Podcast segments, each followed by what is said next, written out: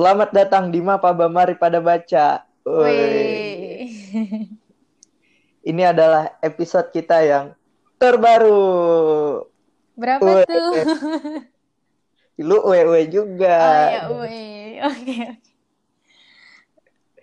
Nah, di episode di episode kali ini eh, kita kedatangan pencerita yang belum pernah bercerita nih, Wih. Cuk. asli. Kita kedatangan pembicara yang belum pernah berbicara nih, Cuk. Wih. Masa nggak pernah bicara sih?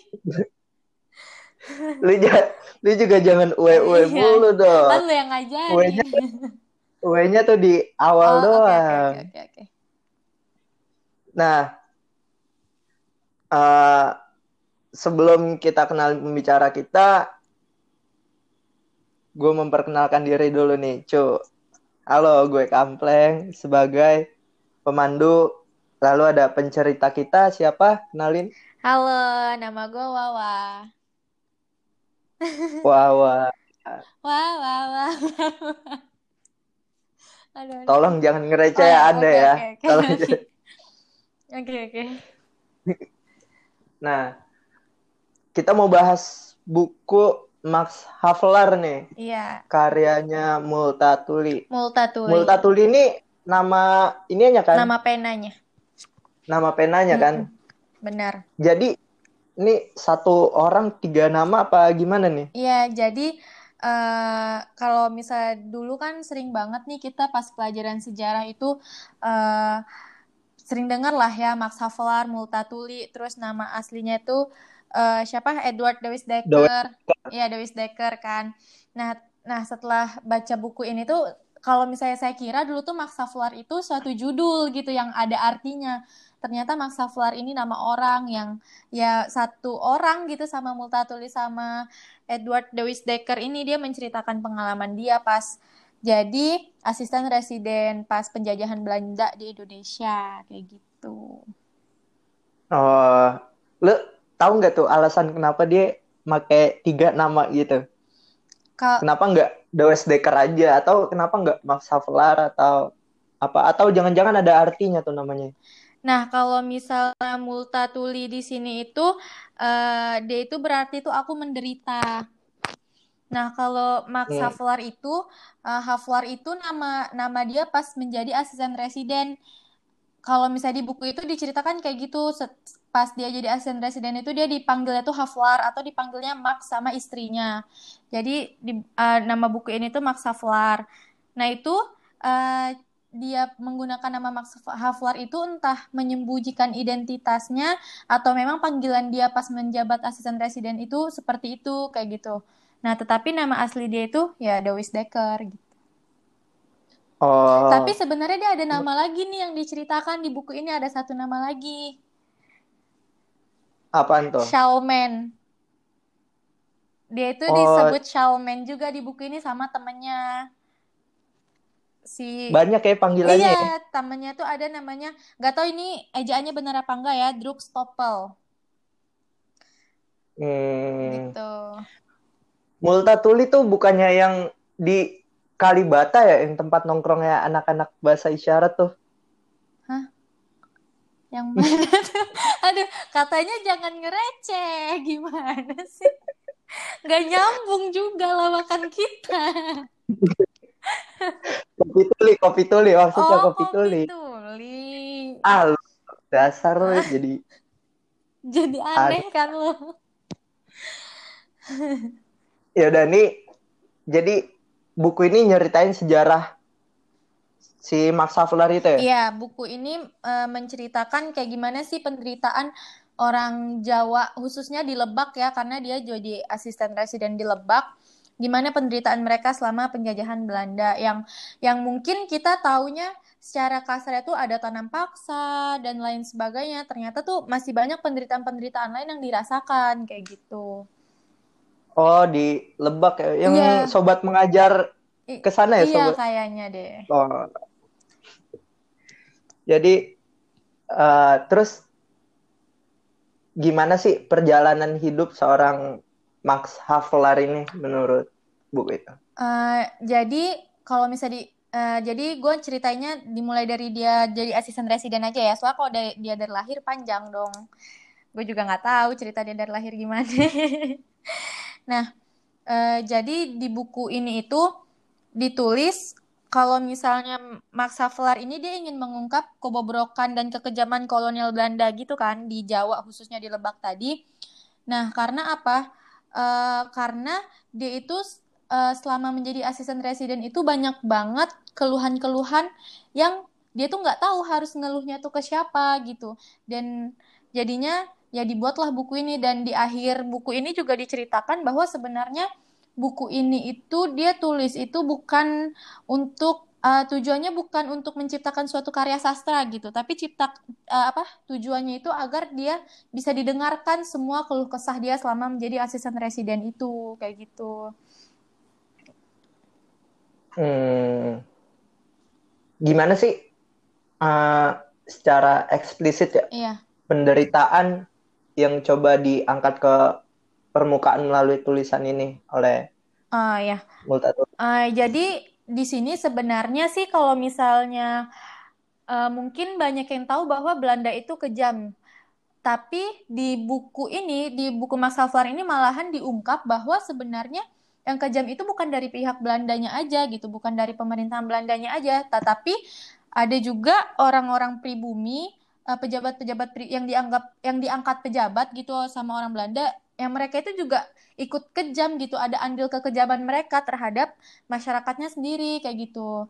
Nah jadi uh, Max Havelaar ini kan dia sebagai asisten residen. Nah jadi untuk uh, mengulang lagi nih ya pelajaran sejarah kita kan kalau dulu itu kepemimpinannya itu kan dipegang gubernur jenderal ya namanya Nah, itu untuk satu hmm. wilayah Indonesia. Di bawahnya itu ada departemen. Departemen itu kayak provinsi gitu kalau sekarang. Nah, itu dipimpinnya oleh residen. Nah, di bawahnya hmm. residen itu ada asisten residen. Nah, asisten residen ini kan kayak memimpinnya kabupaten lah gitu istilahnya kan atau suatu wilayah gitu. -hmm. Nah, asisten residennya ini jadi Belanda itu menerapkan politik etis gitu. Uh, untuk oh. uh, membayar utang mereka kepada pribumi yang sebenarnya nggak menguntungkan pribumi juga gitu. Nah, jadi di sini orang Belanda itu kan berpikir, uh, jadi mereka itu ke, ke, kekejaman nih kekejaman pertama mereka itu dulu itu orang Jawa itu hidupnya itu sejahtera lah bisa dibilang ya. Sejahteranya itu ya mereka nanam padi habis habis nanam padi ya hasilnya untuk mereka sendiri. Soalnya kan kekayaan Indonesia dulu diketahui tuh kaya banget gitu ya sama rempah-rempahnya uh, dan segala macamnya tanam-tanamannya. Nah tiba-tiba ada orang yeah. Iya. asing nih datang orang asing datang yang mengklaim bahwa itu tanah mereka. Siapa yang enggak tersiksa gitu kan kayak gitu dan mereka disuruh menanam hmm. padi kalau di Lebak padi uh, disuruh menanam padi dan hasilnya itu uh, sebagian untuk Belanda untuk diekspor sama Belanda. Nah, setelah mereka menanam, menanam padi pun mereka juga disuruh tanam paksa di suatu lahan yang disediakan sama mereka disuruh tanam paksa dan hasilnya itu semuanya hmm. untuk Belanda. Dan setelah itu mereka juga diwajibkan membayar pajak. Nah, itulah titik kekejaman pertamanya. Nah, kan kalau misalnya orang Belanda berpikir nih, kalau misalnya mereka sebagai orang asing tiba-tiba datang, kan nggak mungkin dihormatin ya, maksudnya nggak mungkin didengerin juga lah. Uh, atau juga kalian siapa yeah, gitu kan. Nah, jadi Belanda itu memanfaatkan pejabat pribumi yang dulu itu ada pangeran, Nah, hmm, jadi sisa kerajaan huh? gitu ya. Sisa-sisa kerajaan iya, itu ya? jadi, ya. Uh, kan kalau misalnya di Indonesia dulu tuh pangeran itu kan kayak dihormatin banget ya bahkan kayak pangeran nyuruh mereka nanam dan tan hasil tanamannya itu dikasih ke pangerannya juga mereka tuh nggak keberatan gitu pokoknya mereka tuh hormat banget hmm. sama pangerannya nah jadi Belanda itu memanfaatkan lah uh, kekuasaannya dari pangeran ini untuk memanfaatkan warga-warga pribumi. Nah, jadi di sini asisten residen ini mereka uh, kayak tugasnya itu kayak memerintah bupati atau pangeran ini. Jadi itu dari gubernur jenderal memerintah ke residen terus residen ke asisten residen. Nah, asisten residen ini dibantu oleh bupati. Jadi asisten residen itu hubungannya ke pemerintahan Belandanya, kalau bupati itu hubungannya ke pribuminya kayak gitu. Uh, semacam politik iya, praktis iya. gitu ya. Uh -uh. Wah, kampret emang. emang. Nah, dulu itu uh, kan kalau uh, siapa tadi namanya Max Havlar ini kan dia asisten residennya di Lebak. Nah, waktu itu bupatinya itu Raden hmm. Adipati Kartanata Negara yang membantu mereka. Dia itu pribumi, dia pribumi berarti. Beliau pribumi. Nah, terus uh, andil Max Havelaar ini tuh apa sih terhadap uh, bangsa Indonesia yang yang bisa dirasain gitu oleh masyarakat Indonesia pada saat itu? Uh, jadi di sini itu uh, kan Max Havelaar itu sebagai asisten residen di sini dijelaskan bahwa Max Havelaar itu sebenarnya dia merasa terhormat sekali uh, bisa menjadi asisten residen karena kalau secara secara yang benarnya gitu sebenar-benarnya tugas asisten residen itu mulia gitu. Belanda secara sebenar-benarnya ditulis dalam ya bisa dikatakan undang-undangnya lah. Belanda ini ingin melindungi warga pribumi gitu. Soalnya kan asisten residennya kan disumpah dulu tuh disumpah dulu uh, sama residennya kan. Nah, isi sumpahnya itu sebenarnya mulia banget seperti kayak melindungi daerah kabupaten, terus melindungi rakyat kabupaten, melindungi rakyat dari perampasan, perampasan hak, perampasan harga dan segala macam. Nah, makanya Max Havelaar ini dia senang kan jadi asisten residen karena dia juga ingin melindungi warga Lebak. Tetapi ketika hmm. dia menjabat itu banyak sekali kejanggalan-kejanggalan yang dia dapatkan gitu. Misalnya uh, di sini diceritakan bahwa bupatinya ini melakukan perampasan kepada warganya sendiri. Nah, melakukan perampasan hmm. kepada warganya sendiri, uh, konon katanya warganya itu misalnya disuruh tanam paksa di uh, tanahnya bupati, semua hasilnya untuk bupati. Terus ada juga kerbau-kerbau untuk bajak sawah tuh diambilin sama pejabat-pejabat pemerintahnya itu, dan itu dilakukan oleh pejabat pribuminya kayak gitu. Nah, Kemudian kalau kekejaman dari pihak Belandanya juga mereka tuh kerjasama ternyata antara bupati ini sama residennya sama residen. Jadi tuh residen itu bertanggung jawab untuk membuat kayak LPG-an gitu ke gubernur jenderalnya. Kan gubernur jenderalnya nggak tahu menahu hmm. nih tentang keadaan apalagi keadaan pelosok-pelosok gitu kan. Nah jadi dia uh, taunya itu dari uh, apa? Dari LPG-nya residen itu. Nah, kalau misalnya hmm. hasil LPJ-nya itu bahwa dinyatakan rakyatnya misalnya sejahtera, rakyatnya hidup enak, nah itu dikasih bonus tuh residennya. Nah, jadi di sini itu tiap tahun itu uh, residennya ini berbuat LPJ yang bohong gitu loh, dipalsukan gitu LPJ-nya parah banget nih residen nih, slotering namanya. Jadi si residennya ini dia tuh buat LPJ palsu terus. Nah, di sini itu jadi kan Havelaar kan bingung ya, udah dari pejabat pribuminya menyiksa rakyat, terus udah dari apa residennya juga pemerintah Belanda yang menyiksa rakyat, jadi dia tuh nggak tahu harus ke mana. Dan rakyatnya itu percaya sama Max Havelaar. Jadi pada saat itu tuh uh, di lebaknya sendiri tuh Max Havelaar itu selalu melindungi rakyat, terus selalu memberi uh, kayak hartanya ke rakyat sampai Max Havelaar ini banyak utang, dia tuh jatuh miskin banyak utang karena oh. dia tuh sangat suka memberi tapi sangat suka memberinya itu menyiksa diri sendiri gitu. Misalnya ada orang dirampas terus tiba-tiba diam-diam datang ke rumah Havelaar dia ingin kabur dari wilayah Lebak. Soalnya kan ya pemerintahan pribumi Lebak itu kejam ya. Bisa dikatakan kejam hmm. kan merampas hak rakyat mana lagi disuruh bayar pajak. Kalau nggak bayar pajak dihukum gitu kan. Nah jadi tuh banyak rakyat yang datang. Terus ya uh, dia dia selalu berjanji kepada rakyatnya kalau misalnya dia akan memperjuangkan uh, hak-hak rakyatnya. Terus dia juga sering memberi memberikan harta-harta dia kepada rakyat-rakyat yang membutuhkan sampai ya Max Havelaar itu banyak utang kayak gitu.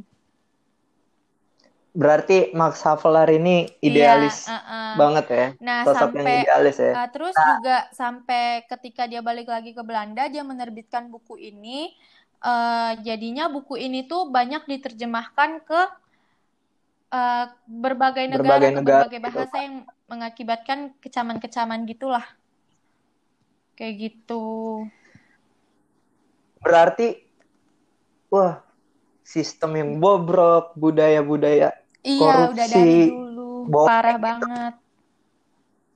Kearifan iya, lokal ya, udah jadi kearifan lokal. lokal. Makanya tuh yang membuat saya terkejut membuat gue terkejut di sini tuh ya uh, ternyata tuh ya pejabat pribuminya juga menyiksa rakyat kayak gitu ya nggak sih itu sih yang membuat gue tuh sedih banget kayak gitu kalau gue sih kalau gue sih bukan masalah pribumi atau Belandanya ya, tapi emang dasar uh -uh. sistemnya sih.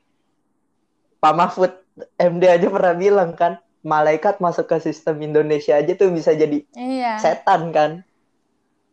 Nah, terus yang gue salut di sini tuh Max Havelaar itu ternyata orangnya sangat iya, idealis sangat, ya. Sampai gue tuh nah, juga ini... kagum sih setelah membaca buku ini. nah, uh, gue jadi pengen belajar nih sama dia nih gimana sih cara mempertahankan idealisme dalam melawan tangan-tangan kotor atau sistem yang kotor seperti itu gimana cara Max Havelaar uh, berjuang gitu atau melawan bahkan sistem yang benar-benar bobrok ini uh, di sini itu kalau misalnya gue ngeliat ya Max Havelaar itu dia itu orangnya sangat tepat janji ngerti gak sih lo? uh, gue juga nggak tahu ya gimana Enggak. gimana dia tuh sekuat bisa sekuat gini gitu orangnya. Tetapi memang uh, dia itu orangnya karena mungkin karena pegang di sini itu ber, berulang kali dikatakan ketika rakyatnya datang ke dia uh, dan rakyatnya mengeluh ini itu dia itu merasa bersedih hati gitu. Di sini dijelaskan dia bersedih hati karena apa? Karena dia itu udah terikat janji bahwa dia ingin melindungi rakyatnya, uh, dia ingin ya gitulah melindungi rakyatnya dari segala macam kesusahan kayak gitu. Nah, yang yang sering dibahas di buku ini ya seperti itu. Saya udah diangkat menjadi asisten residen dengan sumpah kayak gitu. Kenapa saya kenapa saya harus melanggar sumpah itu gitu? Sedangkan mereka itu bergantung kepada kita sebagai pejabat. Di sini tuh berulang kali disebutkan kayak gitu setiap ada yang rakyat mengeluh.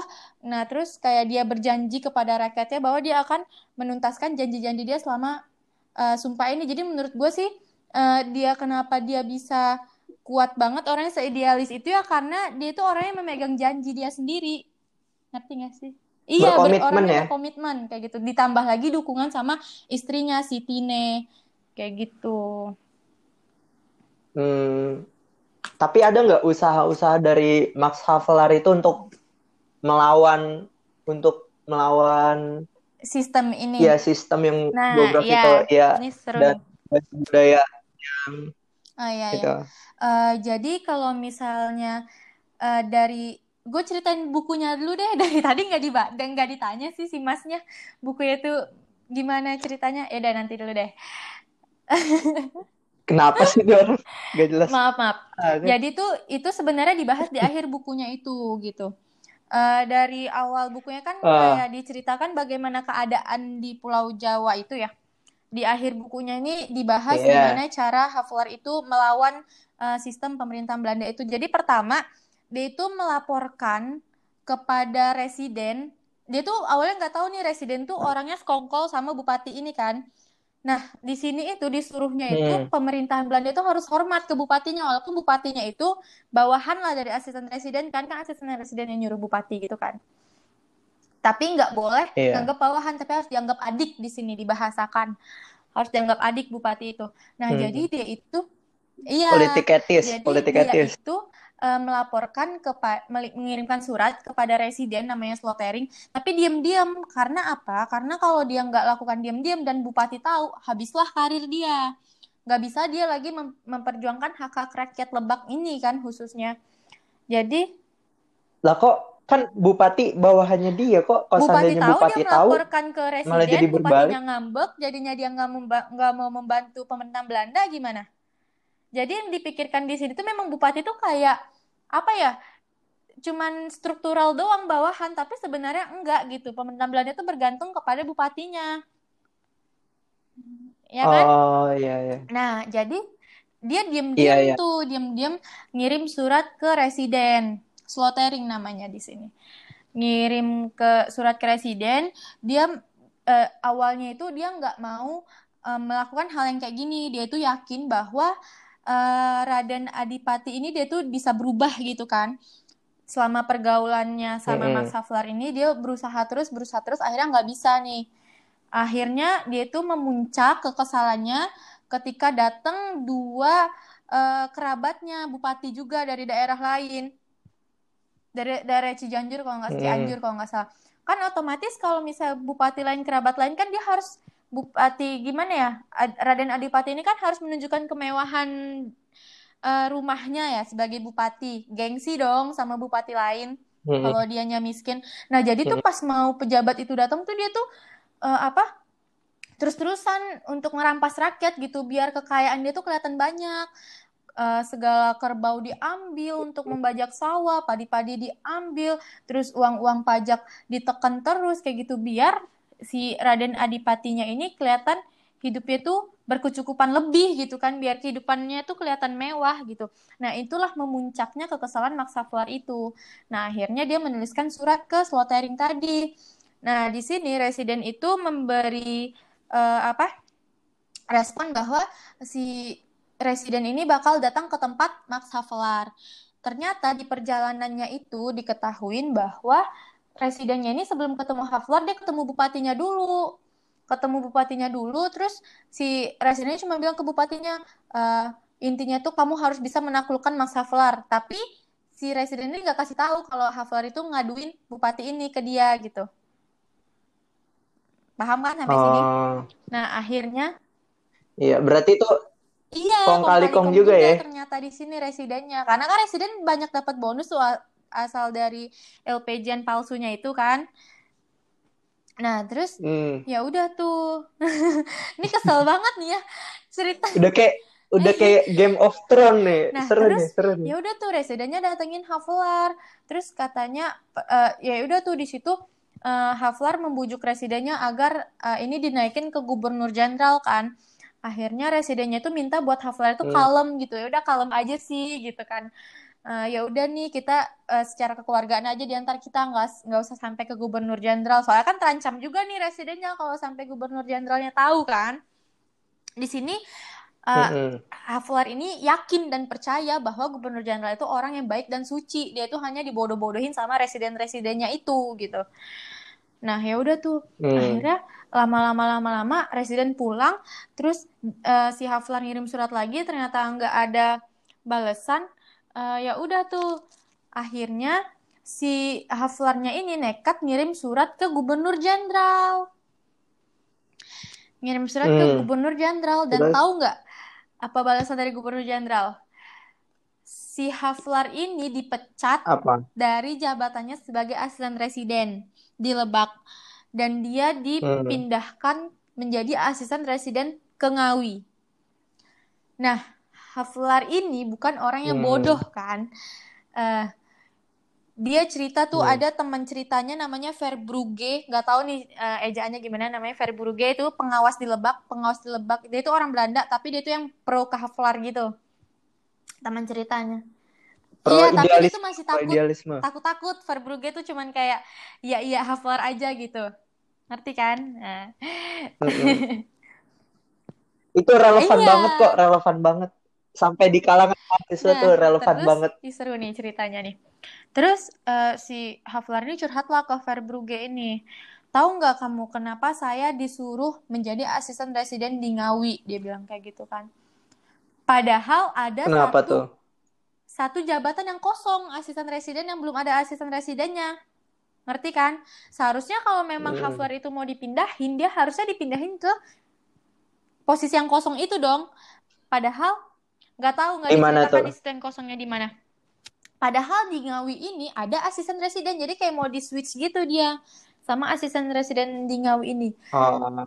Hafler itu tahu uh, tahu kamu kenapa saya di pindahkan ke Ngawi? Karena di Ngawi itu bupatinya berlaku sama dengan Raden Adipati Kartanegara. Mereka tuh saudaraan nggak saudaraan kayak sekeluarga gitu dan mereka juga sama memeras rakyatnya oh, dan di Ngawi itu juga sama. Jadi tuh si gubernur jenderal ini pengen si Haflar itu banyak belajar kayak gitu. Ngerti nggak sih? Banyak belajar. Bahwa di iya, di mana pun juga tetap aja sama keadaan kayak... ini kayak gitu loh. Jadi kayak Haflar itu kayak dijebak gitu. Loh wah ini kayak ah, gila kesian banget sih ini Haflar. Mana lagi dia punya anak kecil istrinya juga wah keren banget ini istrinya. Terus akhirnya uh, si Haflarnya ini dia itu masih kekeh pengen ketemu gubernur jenderalnya kan. Dia menolak tawaran jadi asisten presiden di Ngawi ini. Jadi dia hmm. uh, datang ke tempat gubernur jenderalnya mau bawa anak istrinya. Dia pindah dari Lebak itu kan. Dia pengen nemuin gubernur jenderalnya siapa tuh namanya gubernur jenderalnya aduh siapa ya di sini nggak jelasin Dendel saya waktu itu masa Max Flor ya Uh, soalnya iya, iya. di awalnya itu dijelaskan uh, bahwa yeah. Dendels lagi melakukan pembuatan jalan gitu kayaknya nih dan at, Anyar iya. Penarukan iya. ya? Uh, ini tuh di akhir masa jabatannya Dendels kalau nggak salah. Atau di masa jabatannya apa gitu. Ini Gubernur Jenderal hmm. tuh mau berakhir nih masa jabatannya nih. Ya udah tuh dia datang ke sana. Akhirnya dia membuat uh, pengen buat janji untuk ketemu sama Gubernur Jenderal. Akhirnya dia ditolak. Ditolak pertemuan. Terus dia ngirim surat lagi. Uh, saya saya mau ketemu tiga 30 menit aja gitu kan kata dia Terus kayak gubernur jenderal beralasan lah saya mau pergi, saya mau besok mau pergilah atau saya mau inilah pokoknya nggak mau ketemuin si Haflar ini. Haflar ini dia tuh masih yakin bahwa gubernur jenderal itu orang yang baik tadi kan. Iya, dia hanya dibodoh-bodohin sama bawahannya. Soalnya kan gubernur jenderal ya dia cuma duduk aja gitu di wilayahnya dan dia nggak apa nggak belusukan lah intinya kan. Jadi dia cuma di bodoh-bodohin gitu. Jadi dia masih kekeh banget pengen ketemu gubernur jenderal. Dia cuma pengen minta waktu 30 menit aja gitu kan uh, untuk dia didengarkan aja. Akhirnya ditolak. Akhirnya ya udah tuh dia nyerah di situ. Dia putus asa dia bilang bahwa uh, dia itu lebih masa dia itu lebih hina dari pencuri bahkan pencuri aja tuh masih didengarkan klarifikasinya gitu kan intinya kayak gitu. Akhirnya ya dia balik hmm. ke ke Belanda uh, dan dia menulis buku ini dan tahu nggak gimana buku ini terbit padahal dia tadi orang miskin dan banyak hutang gimana kok jadi main tebak-tebakan mulu sih dari tadi kok gue yang gimana? nawarin ya gimana nah, gimana jadi uh, dia itu di Belanda itu bertemu sama temen sekolahnya dulu namanya Druk Stoppel Druk Stoppel hmm. Sekolah di mana tuh dulu di tuh? Belanda. Di Gak tau. Di sini diceritakan di Belanda. Di Belanda. Uh, jadi itu si Druk Stoppel ini bisa dibilang dia punya utang budi lah sama si Haflan ini. Ceritanya lucu sih di sini diceritakan di bukunya. Uh, dia ketemu sama Druk Stoppel ini. Druk Stoppel ini seorang maklar kopi yang kaya raya lah intinya di situ. Kaya raya. Uh, sebenarnya Druk Stoppel ini tidak mengharapkan pertemuan dia sama si Haflar ini karena menurut dia Haflar ini menyusahkan gitu kan menyusahkan dia hmm. akhirnya uh, pan, uh, singkat cerita uh, Haflar ngirim tulisan-tulisannya kepada Drugstopel awalnya Drugstopel nggak nggak tertarik selain masalah kopi Nah, di tulisan-tulisan itu, tulisan-tulisan Haflar itu juga ada membahas masalah kopi. Jadi Drugstopel ini cuman ngebaca masalah top, uh, kopinya aja. Nah, uh, Kemudian tulisan si Haflar ini singkat cerita intinya maulah diterbitkan oleh Drugstopel ini. Drugstopel hmm. ini orangnya gimana ya? Kalau bisa dibilang sih orangnya itu polos dan orangnya itu lucu gitu. Ngerti gak sih? Kayak siapa? Kayak siapa? Gak tahu kayak siapa. Nah, Drugstopel ini yang manggil Haflar ini Shalman. Soalnya si uh, pas ketemunya sama Haflar ini Haflar ini kayak make shawl yang murahan kata dia yang aneh banget oh, shawlman iya. shawl nah jadi uh, di sini jadi buku ini tuh nggak nggak apa ya walaupun buku sejarah ya istilahnya dia tuh nggak bosen sama sekali loh dibacanya karena di sini kan ada 20 bab. 20 bab ini nggak menceritakan tentang sejarah semua gitu loh. Empat bab pertama aja hmm. menceritakan tentang bagaimana Shelman ketemu Drugstopelnya itu lucu. Kemudian bagaimana cerita Drugs uh, jadi Drugstopelnya ini dia mempunyai bab tersendiri gitu untuk dia bercerita tentang dirinya dan tentang usahanya yeah. dan itu lucu banget nggak lucu banget sih tapi lucu dan menarik untuk dibaca gimana cerita dia menjadi Mm-mm. orang kaya makelar kopi terus gimana dia benci sama puisi Eh, iya dia Kok benci benci sama sama puisi puisi? soalnya kata dia puisi itu tidak benar dia bilang gitu tidak bisa eh, di dibuktikan kebenarannya. Soalnya Druk Stopel ini dia bilang saya itu orang yang Wah, paling mencintai kebenaran. Nah di- dia itu mengaku orang yang paling suci dan paling mencintai Waduh. kebenaran kan. Soalnya di bu- buku ini juga dijelaskan misalnya eh, orang berpuisi nih akan kubawa engkau ke taman bunga bunga yang bermekaran penuh warna merah dan ungu bisa kayak gitu kan. Terus kayak Wah, dia belum belum pernah baca buku puisinya Firsa Besari tuh. terus dia Wah, bilang kan relevan banget tuh dengan galau-galau. kenapa? Eh, emang emang kalau misalnya kamu membacakan puisi itu di depan wanita kalau wanitanya bilang ayo bawa aku sekarang ke taman bunga. Kamu mau membawa dia ke taman bunga saat itu juga dia bilang kayak gitu kan. Terus toh kamu nyampe ke taman bunga. Terus diceritakan bahwa bunganya merah dan ungu. Kenapa harus merah dan ungu? Padahal masih banyak warna lain dia bilang kayak gitu. Pokoknya dia tuh eh, mungkin dia bilang tuh puisi itu terlalu hiperbola ya terlalu melebih-lebihkan Ya terserah ya. lah. Iya, dia itu kayak aja. makanya lucu gitu. Dia itu kritiknya itu lucu. Jadi tuh kritiknya itu memang dia tuh sebagai orang makelar kopi yang ngerti kopi doang gitu loh. Dia dan dia nggak mencintai hal-hal lain. Hmm. Jadi misalnya empat bab pertama menceritakan Druk Stoppel nih cerita hidupnya. Nah di situ juga diisi quotes-quotes hidup ya gimana dia bisa sukses, prinsip-prinsip hidupnya. Itu menarik banget sih. Eh, terus Oh, dia tuh jadi tuh dia makelar kopi. Oh, pantesan ada kopi tuli tuh. Waduh, sejarahnya Gak ternyata jelas, dari gak situ jelas. ya. Masih dibahas. Padahal Jadi tadi- makelar makelar kopi ketemu dengan multatuli jadinya padahal kopi tuli. Wah, gila. loh. Itu itu tempat Padahal keren banget tuh. masuk. Itu tempat keren banget tuh. Wah, gila. Nah, jadi di itu dijelaskan. Jadi buku ini empat bab pertama kan tadi menceritakan Druk Stoppel. Terus beberapa bab menceritakan tentang keadaan Lebak, keadaan di Jawa, cerita Max Havelaar. Nanti ada lagi nih satu bab cerita tentang eh, apa kritiknya Druk Stoppel atau kesannya Druk Stoppel setelah membaca bab-bab itu kayak gitu dan itu dikemasnya tuh lucu lawak gitu loh jadi kayak nge-refresh kembali otak kita setelah baca penderitaan ra- orang-orang Jawa nih penderitaan Havelaar nih terus di-refresh lagi sama cerita Druk Stoppel Nah, nanti lanjut lagi gitu Oh, oh, ada penemuan baru lagi nih, Drugstoppel. Itu kalau di Belanda kan banyak orang dipanggil Uh-uh. Van Van. Jadi Van Toppel. Wih, Van Toppel tuh filosofinya apaan gini sih ya, sumpah dari Drus. sumpah gak masuk banget Vi nah terus ada lagi nih satu cerita menarik dari buku ini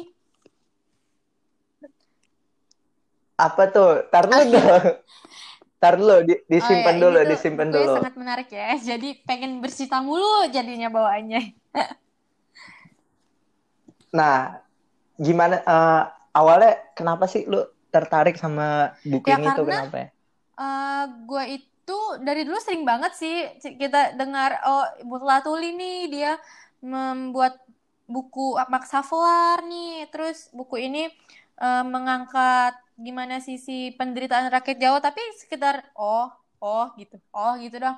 Terus pas gue jalan ke di Gramedia waktu itu di Gramedia Jogja Mm-mm. gue ngeliat nih ada buku Max Havelaar wah menarik sekali nih gue belum belum tahu nih gue cuman taunya dia menceritakan tentang penderitaan orang Jawa doang tapi gue belum baca gitu gue pengen banget baca dan ternyata nggak nyesel Mhm. sama sekali ini Kalau nggak salah sama beli buku Melihat Api Bekerja juga ya waktu itu ya.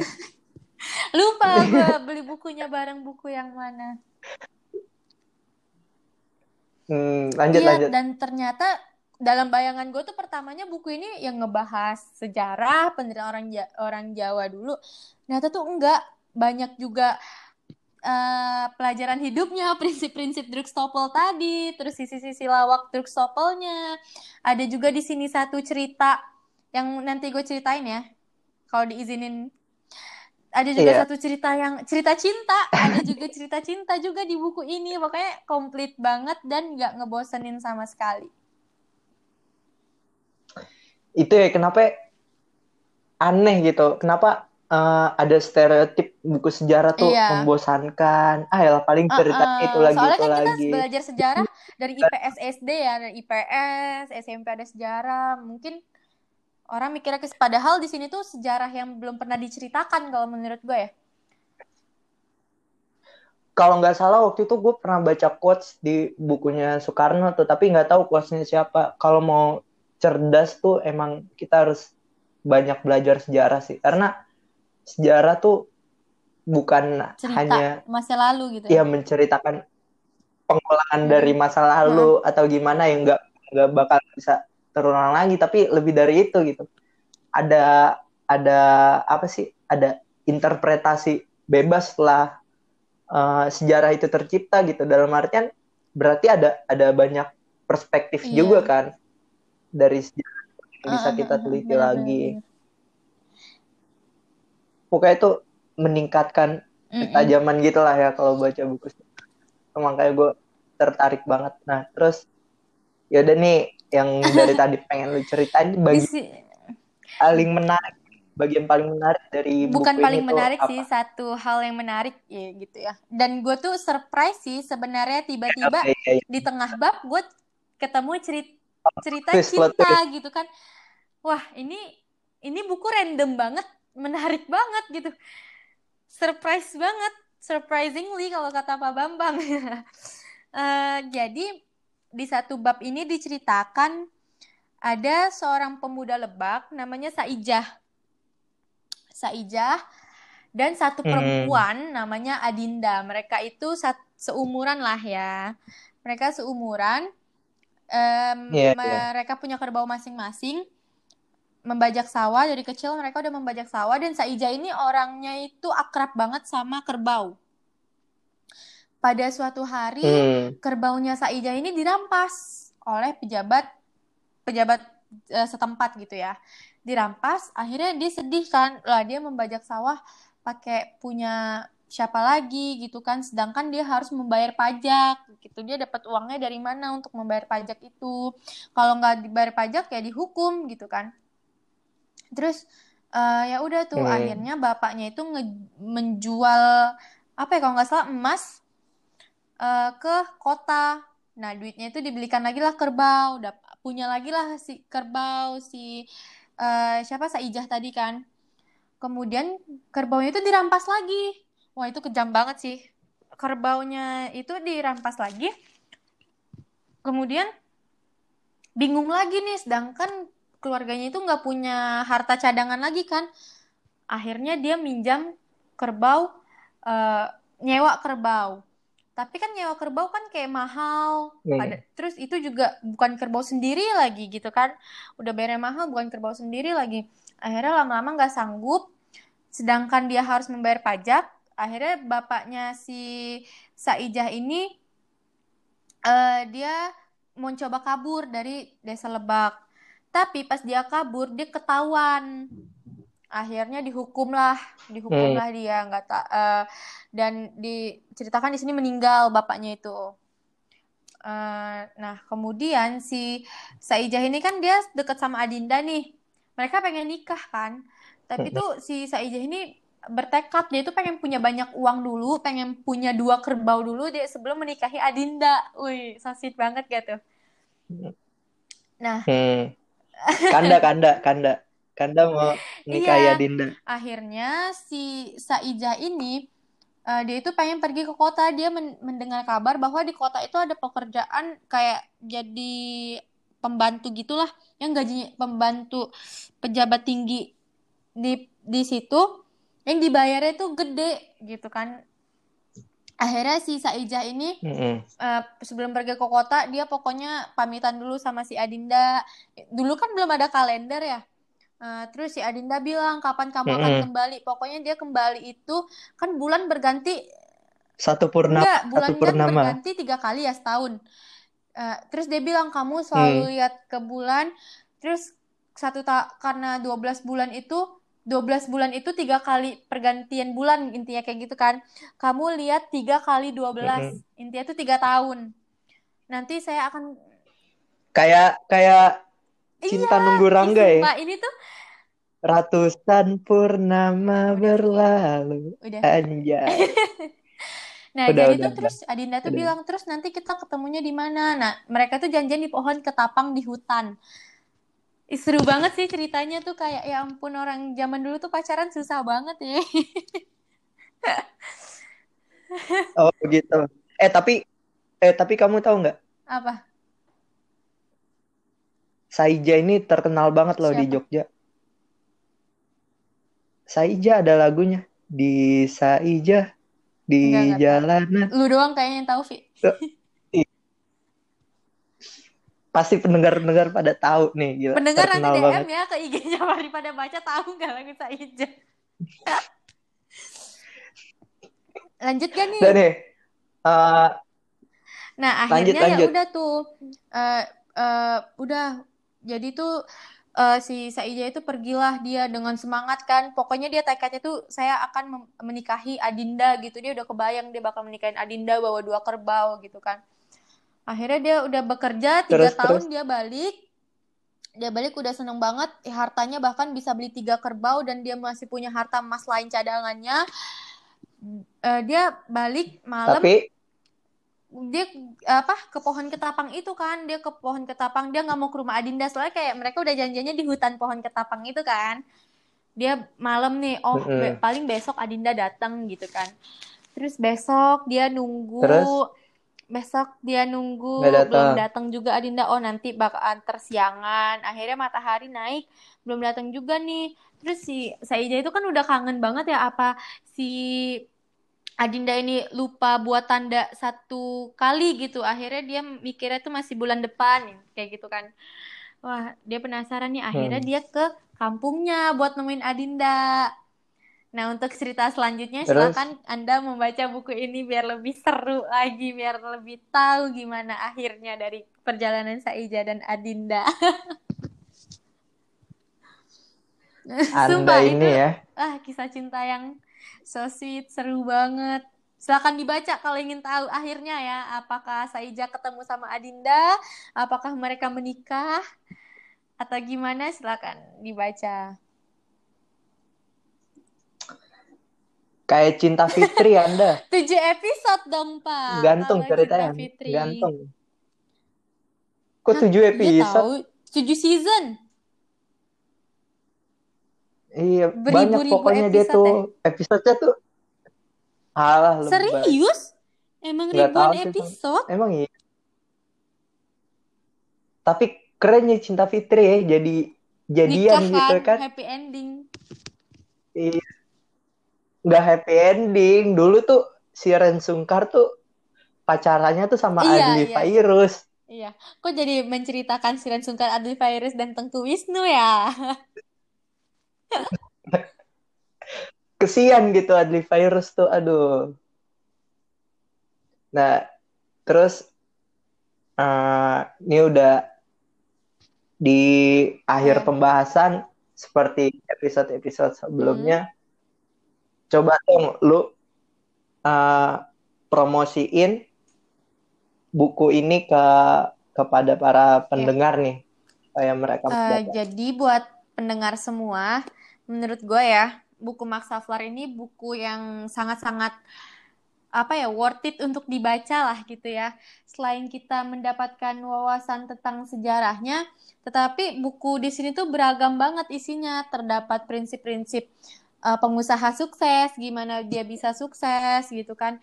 Uh, pelajaran-pelajaran hidupnya banyak banget di sini. Kita juga bisa belajar banyak di sini. Dan sekali lagi gue mau menekankan buku ini nggak ngebosenin sama sekali karena isinya yang fun, kadang kita dibuat kesel kayak gimana sih nonton drama Korea aja emosi kita dibawa kesel terus tiba-tiba ada satu bab yang nge-refresh kembali diri kita biar kita dibawa fun terus ada juga cerita cintanya kayak yang udah gue jelasin tadi. Dan Apaan Iya jelas tapi Nggak kan jelas itu, nggak jelas. kalau misalnya gue bacain semua ya nggak nggak perlu lagi dong orang ngebaca buku ini gitu kan. Eh, biarin aja, kasih aja dari spoiler. beberapa menit berpuluh-puluh menit gue ngejelasin di sini sebenarnya itu cuma sebagian kecil dari isi buku ini banyak banget hal-hal yang mendetail sebenarnya yang yang yang nggak pernah dibahas gitu di pelajaran sejarah kita dari SD sampai SMA bahkan kan. Jadi ya buku ini sangat sangat sangat worth it dan gue sangat merekomendasikan untuk membaca buku ini. Gitu. Oke, itu tadi uh, tentang Max Havelaar yang cukup rumit ternyata iya, ya bukunya, bukunya rumit. ya. Soalnya bukunya kan bukan berbahasa Indonesia, jadi gue salut juga sih sama translatornya. Translatornya dia oh. bisa mentranslate ini gitu dan dapet lucunya dapet tegangnya dapet gitu tapi satu hal sih yang masih gue kagumin dari Mas ya. Havelar tuh menjaga, menjaga idealisme, idealisme sampai dia jatuh miskin menjaga...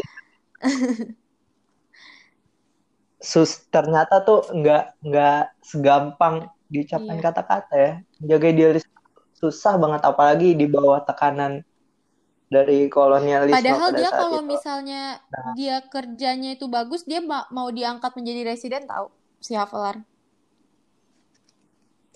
Kerja bagus yang dimaksud adalah memuluskan iya. jalan pemerintahan iya, yang licin. Iya, kerja bagus itu ya dia nurut.